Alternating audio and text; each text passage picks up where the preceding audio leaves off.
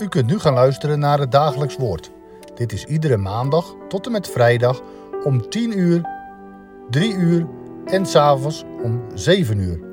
Deze meditatie wordt verzorgd door dominee Heikoop.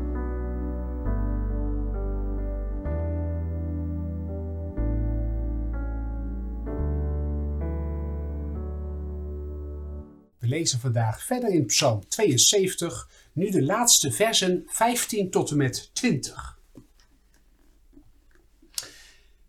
Hij zal leven. Men zal hem van het goud van Sheba geven. Men zal voortdurend voor hem bidden. De hele dag zal men hem zegenen. Is er een handvol koren op het land, op de top van de bergen, de vrucht daarvan zal ruisen als de Libanon.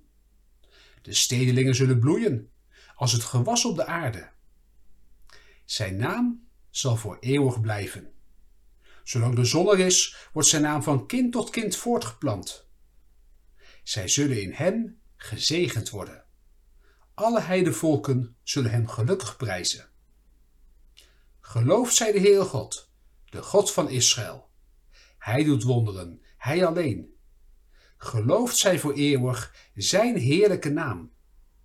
Laat heel de aarde met zijn heerlijkheid vervuld worden. Amen, ja amen. Hier eindigen de gebeden van David, de zoon van Isaïe.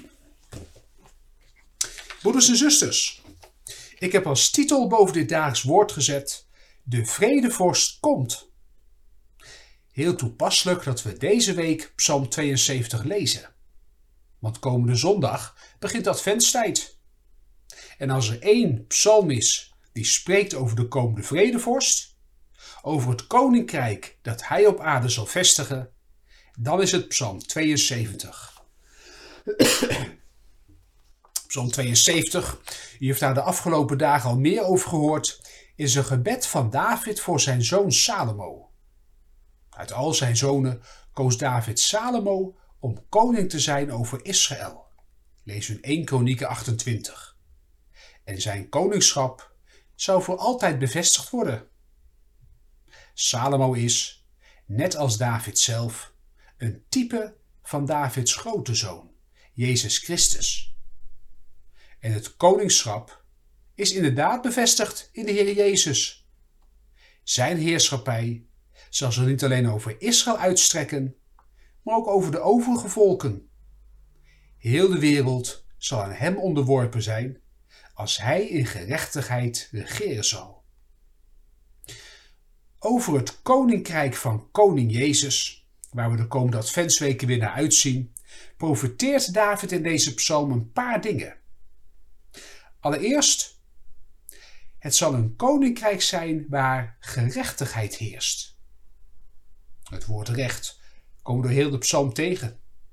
Het recht is de grondslag, het beginsel van de heerschappij van Christus in de toekomst. Zoals we ook horen in Psalm 89. Gerechtigheid en recht zijn het fundament van uw troon.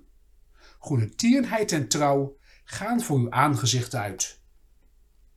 En in Jesaja 11, ook een adventsprofetie over het komende koninkrijk, horen we de bekende woorden want gerechtigheid zal de gordel om zijn heupen zijn en de waarheid de gordel om zijn middel. Recht, gerechtigheid. En een tweede kenmerk van het koninkrijk van de komende koning, dat is vrede. De bergen zullen vrede dragen, de heuvels heilig recht. Net als opnieuw de adventsprofetie van Jesaja. Aan de uitbreiding van deze heerschappij en aan de vrede zal geen einde komen op de troon van David en over zijn koninkrijk, om het te grondvesten en het te ondersteunen door recht en gerechtigheid van nu aan tot in eeuwigheid. De naijver van de Heere van de legermachten zal dit doen. En deze vrede is omvattend. Het is veel meer dan afwezigheid van oorlog. Het is ook bloei en welvaart. Met prachtige beelden maakt David het duidelijk. Het goud van Sheba zal hem gegeven worden. En ook Is er een handvol kool op het land, op de top van de bergen? De vrucht daarvan zal ruisen als de Libanon. De stedelingen zullen bloeien als het gewas op de aarde. Maar het is zelfs nog meer dan welvaart en de afwezigheid van oorlog. Het is ook vrede met God. Want deze vredevorst komt om de kloof tussen God en mens te overbruggen. De barrière die er tussen hem en ons is inkomen te staan, die kloof wordt door deze koning gedicht. En daarom zal er voor ieder die deze koning als Heer en Heiland aanneemt, vrede zijn met God. Doordat er dan geen kloof meer is tussen God en ons, zal zijn zegen onbeperkt stromen. Die wordt niet meer gestuit, die gaat volop door. De hele dag zal hem zegenen, zegt David. En even verderop, zij zullen in hem gezegend worden. Dat is de doorwerking van die vrede. Gods zegen zal volop stromen. En daarmee komen we bij het derde en laatste kenmerk van dit koninkrijk: lofprijzing.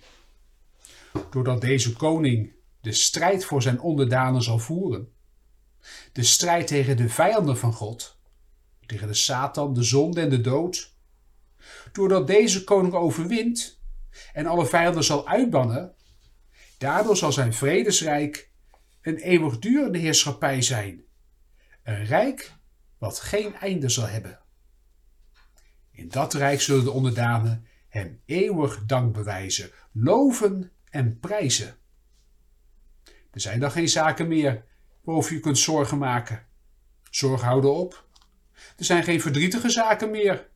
Ziekte en dood, eenzaamheid en verdriet. Ze worden allemaal uitgebannen. Dan is er alleen nog maar eeuwige vreugde. In die vreugde zullen alle gelovigen zich steeds opnieuw verwonderen en verheugen over deze grote koning. Daar heb je dan ook een eeuwigheid voor nodig. Want op de majesteit en macht, op de creativiteit en grootheid van deze koning raak je nooit uitgekeken. Die eeuwigheid zal dan ook komen. Zijn naam zal voor eeuwig blijven. Zolang de zon er is, wordt zijn naam van kind tot kind voortgeplant.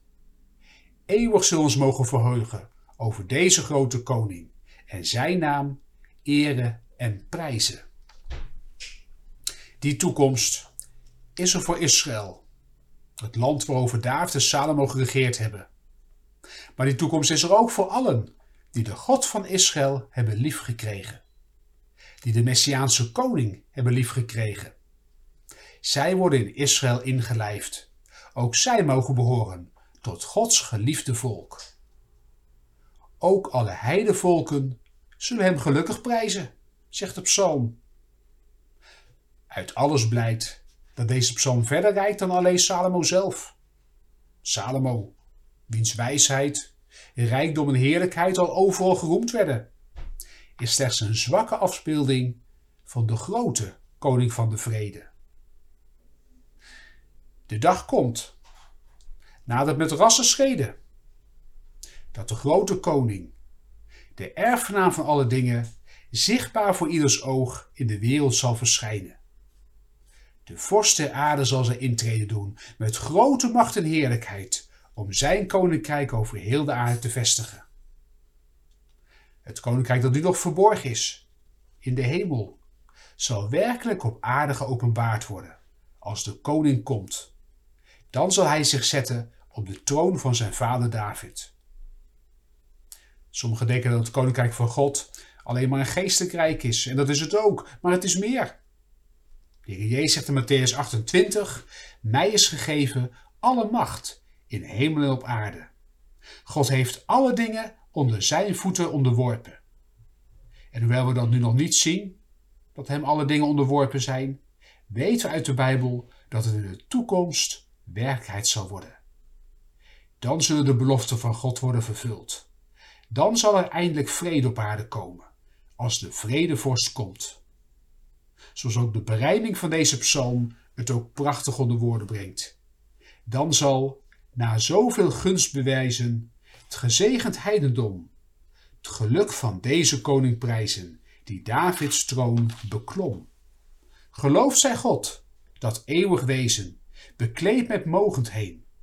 De Heer, in Israël geprezen, doet wonderen, Hij alleen. En daarom, als je in die verwachting leeft, de adventsverwachting van Psalm 72, als dat verlangen de komende week ons hart weer opnieuw vullen mag, dan mogen we nu al zingen. Zijn naam moet eeuwig eer ontvangen. Men loof hem vroeg en spaat. De wereld hoor en volg mijn zangen met amen, amen na. Amen. Laten we ook samen bidden. Heer onze God, Vader in de hemel, dank u wel dat u, de vredevorst, komt. U, Heer Jezus Christus, Davids grote zoon, over wie deze psalm zo prachtig profeteert, over hoe groot uw rijk zal zijn, vol met recht, vol met vrede, vol met lofprijzing. Heer, daar mogen we de komende week ons weer opnieuw op gaan verheugen, daarna gaan uitzien, door ons op voorbereiden. Het daagt al in het oosten, Heere. Uw koninkrijk is nabij. U, Heer Jezus, komt. Maranatha, kom spoedig, Heer Jezus. Ja, kom spoedig. Amen.